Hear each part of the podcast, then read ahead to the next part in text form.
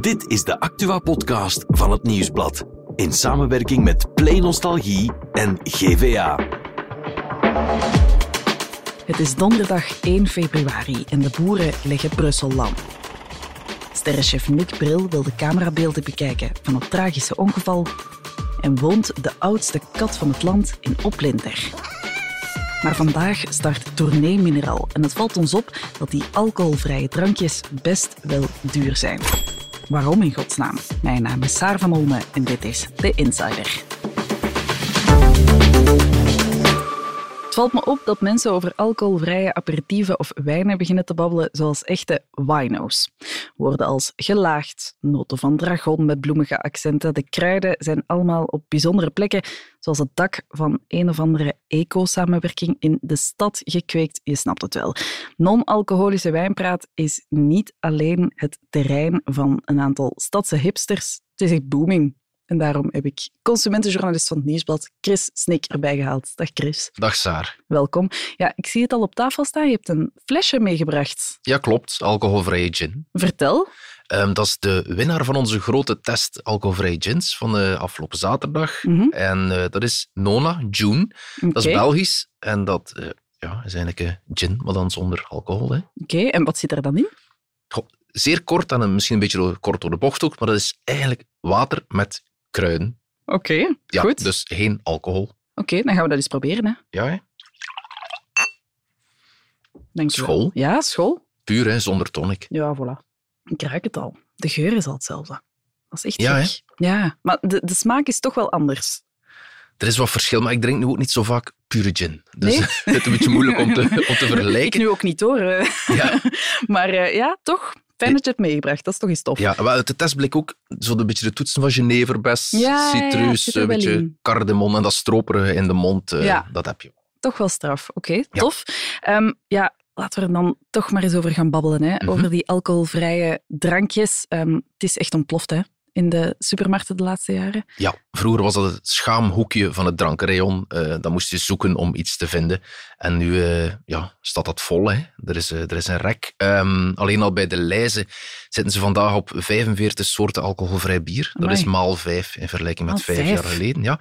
Alcoholvrije wijnen en spirits. In tien jaar zijn ze daar maal tien gegaan. Daar staan er nu een honderdtal. Ehm, de verkoop van alcoholvrij bier is in negen jaar tijd maal drie gegaan. Wow. En nog een wijn en eh, alcoholvrije aperitieven in één jaar tijd plus 37 procent. Voilà, dat is echt moeite. gigantisch veel. Ja, Ja. Waar komt dat dan vandaan? Wat is die aantrekkingskracht? Goh, er zijn verschillende redenen voor. Het is beter geworden. Ik ben Ja. een veertiger, twintig jaar geleden. Ja, alcoholvrij bier, dat was ja, niet te drinken. Hmm. Daar eerlijk over zijn. Vandaag lijkt dat toch al op een echt pintje. Ja. Dus ja, je drinkt het omdat ja, die, gin, die, die gin hier ook, dat is Ja, best... lijkt ook op gin. hè? Ja, dat is best lekker. Mhm. Ehm, dan is er ook de tijdsgeest. Er wordt vaak gezegd, vroeger mocht je nog drinken en rijden en nu niet meer. Ja, vroeger mocht dat ook niet, maar swat, mensen dachten daar anders over. Nu drinken we bewust minder. Dus het is een beetje een samenloop van verschillende zaken die zorgen dat het echt een... Ja, de hype voorbij is, het is een trend. Ja. En drink jij wel eens eh, alcoholvrij? Ja, ik ben zo iemand die nu en dan eh, wel eens een maandje zonder doet, ehm, om een of andere sportieve reden, of om ook eens ja, het gevoel te hebben van, goh ja, dat, dat lukt mij een maand niet drinken. Dus ja. En zijn het dan alcoholvrije pintjes? Of wat drink jij dan Goh, zo'n maand ik, eh, alcoholvrij? ik ben nu bezig, alleen Mhm. nu niet aan het drinken, maar ehm, zo martini eh, zonder eh, alcohol met Ah, tonic, ik ja. vind dat best een lekker alternatief voor een gin tonic als aperitief. Of Oh, een keer een alcoholvrij pintje, ja, dat, dat lust ik wel. Oké, tof. Ja. Ja.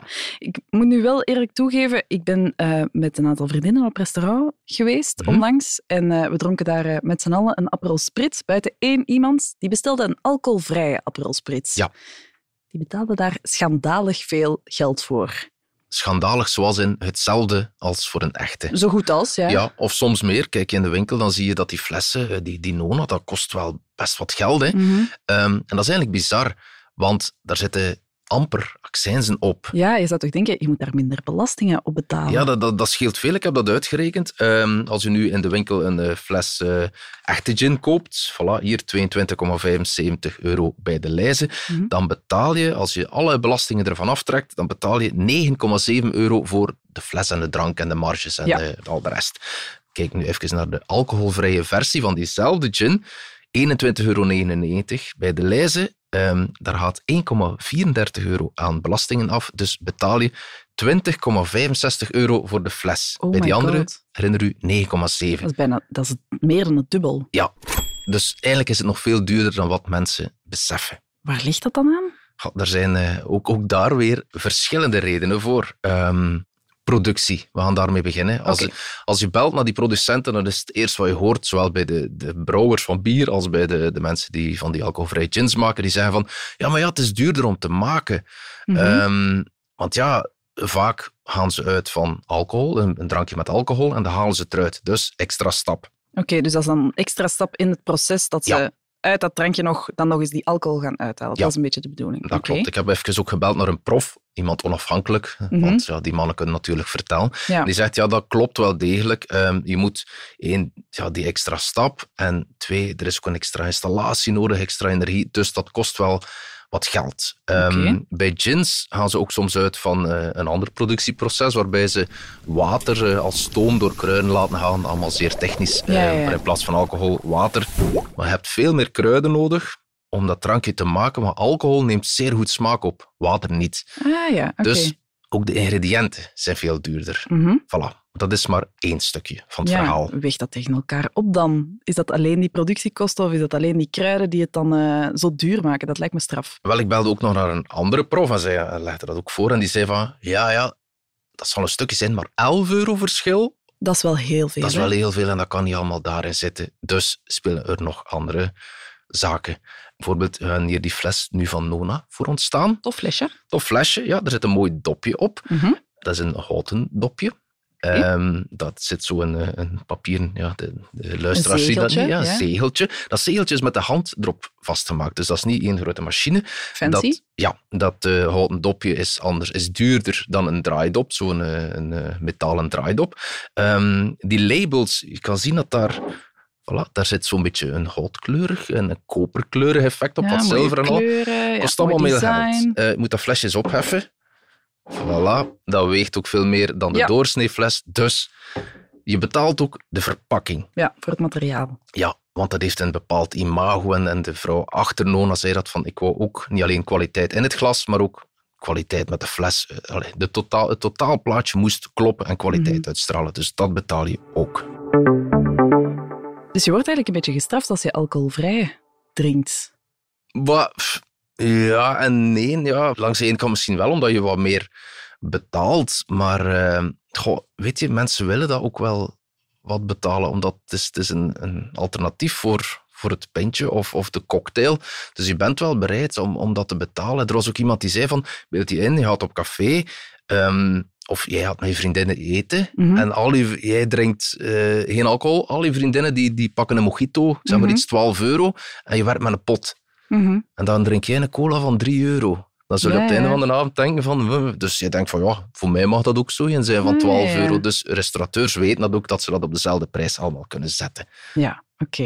Dus we hebben het nu over die productiekosten gehad. We hebben het over die Mhm. fancy flesjes gehad. Dat kan toch niet gelden voor al die verschillende soorten alcoholvrije alternatieven? De vraag is eigenlijk, is dat nu altijd zijn geld waard? Ja, dat is de vraag. Nee. Oké, Ja, voilà. duidelijk. Ja, dat wist ik ook niet. Ik heb me dat laten uitleggen. Ehm, dus je hebt verschillende manieren om, om dat te maken, die, die alcoholvrije gins. Ehm net uitgelegd van dat dat kan met stoom en, en kruiden en al. Maar er is ook een optie om gewoon water te nemen. En daar doe je dan eh, synthetische geur- en, en smaakstoffen bij. En dan Mhm. krijg je gewoon water met een geur en een smaakje. Want dat is dan duur water. Want als ze dat dan verkopen voor 29 euro voor een fles, ja, dan pakken ze daar wel zeer veel marge op. En hoe zie je dat verschil? Ja, dat is een beetje het probleem. Als leek ehm, is dat moeilijk. Die labels zijn, zijn vaak ook wat vaag. Ja, dat is ingewikkeld, hè? al die ingrediënten. ja, ja ik, ik heb ze bekeken, ik heb ze doorgestuurd naar mensen die er iets van kennen. En die zeggen van, ja, het is moeilijk als, als consument om, om het eruit te halen. Je proeft het wel, maar ook dan nog, het is ook niet om, omdat iets eh, ja, duur is of... Allee, ik kan het niet zien aan de prijs. Allee, het, is, het is moeilijk. Dus eigenlijk, Chris, zijn we gewoon gescharreld. Soms. Soms. Ja, maar er is eh, één voordeel als consument. Wij hebben dus vorig weekend de grote test alcoholvrije gins Mhm. gedaan. Wie even naar de app gaat, die vindt hij daar terug. En daar kun je zien van, ja, als ik er nu toch wel veel geld aan geef, ja, met welke flessen heb ik ook iets lekkers in huis gehaald? Shame. Of niet? Ja, Shameless self-promo. Hier mag dat, Chris. oké, dank u. Nu, iets wat daarbij aansluit, is het eh, concept van Freakonomics. Ja. Chris, dat ga je mij toch eens moeten uitleggen. Ik heb er een, een aantal dingen over gelezen, maar ik ben niet helemaal mee. Ik vond het wel een, sowieso een tof woord. Ja, Eh, ja. Freakonomics klinkt tof. Voilà. En het is blijkbaar, eh, ja, de, de, de alcoholvrije dranken eh, passen perfect in het plaatje van Freakonomics. Waar gaat het over? Bepaalde producten, mensen willen daar ook wel geld voor betalen en vraag je er minder geld voor, dan, ja, dan marcheert het niet meer. De iPhone is daar een voorbeeld van, tas Ja. van Gucci zijn daar ook voorbeeld van. En dus dit hier. Ehm, komt erop neer, mochten ze nu die flessen alcoholvrij gin in de markt zetten voor 12 euro, of de helft van een echte gin, dan ja, tussen de oren zou dat overkomen van ah, maar dan is dat niet zo kwalitatief als echte gin. En gaan mensen dat moeilijker kopen? Ik denk dan dat is toch bullshit. Ga, nee, eh, ja, als je op café zit en er is een drankenkaart Mhm. ehm, en we gaan terug naar de alcoholvrije mojito, er staat een op van 4 euro en er staat een op van 9 euro, dan zul jij denken, ga die van 9 euro zal wel lekkerder zijn, want ja, die kost 9 euro. Met een alcoholvrij pintje van 2,5 en eentje van 5 zal ik ook automatisch denken van dat van 5 zal lekkerder zijn. En Ja. dan meer geneigd zijn om dat te kopen. Jij bent er gevoelig voor, denk je? Ja, ik, ik ga mee in de, Ja, in de denkpiste. ja. Nu, ja, dus dat alcoholvrije bier en alcoholvrije drankjes, dat is dan toch een beetje een, een goud haantje. Ja, ze kunnen er marge op nemen, dus, want de, ja, de consument betaalt dat ook graag. Maar het is niet dat ze daar nu steenrijk van worden. Nee. De, de grote spelers wat meer, omdat die minder kosten hebben. Een Jupiler, als die een Jupiler 00 uitbrengt, dan, eh, ja, mensen kennen dat, ze moeten er minder reclame voor maken. Maar als jij morgen met een alcoholvrije gin of een alcoholvrij biertje wil starten, ja, begin je maar in de markt te zetten. Hè. Mhm. Dat kost gigantisch veel aan, aan marketing. Ehm, dus ja, die, die marges gaan vooral daar naartoe. Ja, ja, dus er is wel een groot verschil tussen die grote en die, en die kleine spelers. Ja, die grote hebben een gigantisch competitief voordeel. Hè. Mhm. Dus eh, ja, dat speelt wel.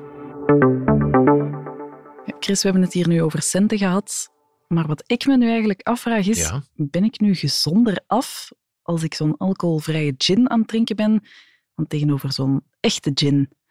Sowieso, ehm, in echte gin zit er alcohol. Ja. En alcohol is gif. Ehm klinkt nu even als het opperhoofd van de AA-club. Ik ben Nee, dan niet, cru, maar dus ik drink dat ook graag. zo, ja. Maar het is wel zo, ja, het, het is zo. En in de alcoholvrije versie zit er geen alcohol. Dus Mhm. ja, da- daar ben je al, al vanaf. En dus dat is sowieso al, eh, al gezonder. Maar of dat Mhm. nu het, goed, ja, het, het gezondste drankje ter wereld is, eh, ja, water zal nog altijd beter zijn, denk ik ja, dan. Hè. er Dus, zitten toch nog altijd suikers in, zou ik ja, denken. er zitten ja, zoetstoffen en, en op flesjes zie je ook soms E met allerhande cijfertjes achter staan. Dan denk ik ook van, Wat ja. zit er eigenlijk allemaal in? Ja, ja. dus wat is beter dan met alcohol? Ja, en beter voor de lijn ook?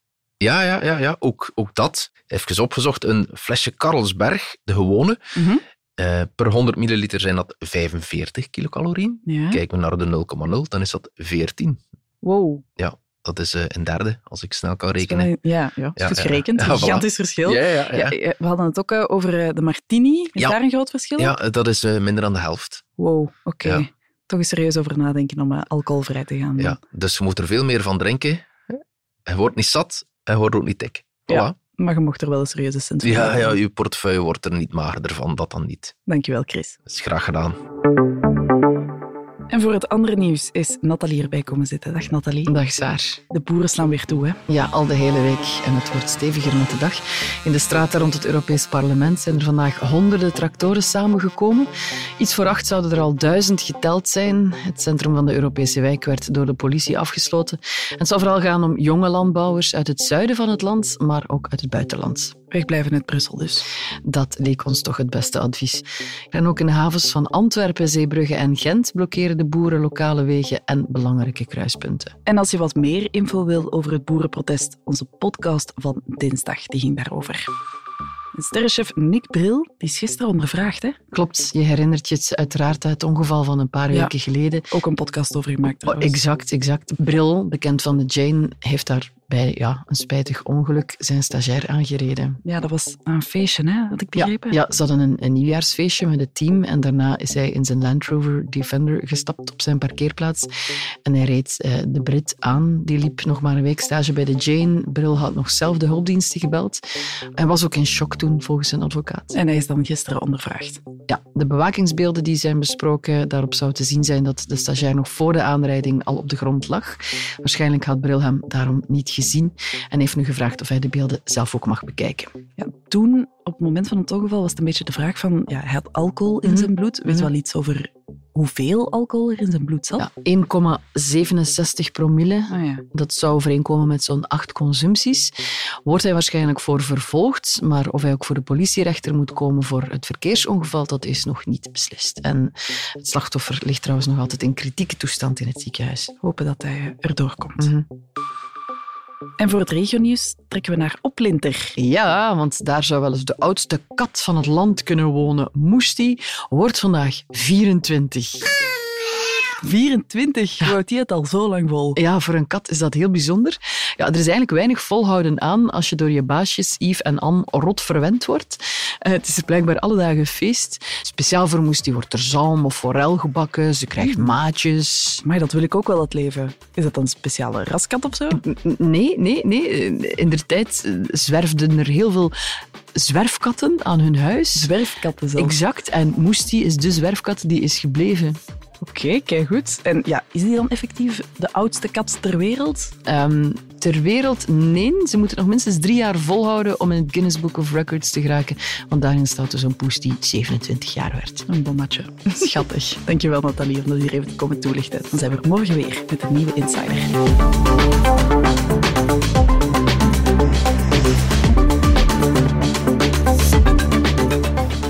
Dit was The Insider, een podcast van het Nieuwsblad in samenwerking met Play Nostalgie en GVA. De muziek is van Pieter Santens. De montage gebeurde door House of Media. Wil je reageren? Mail naar podcast.nieuwsblad.be.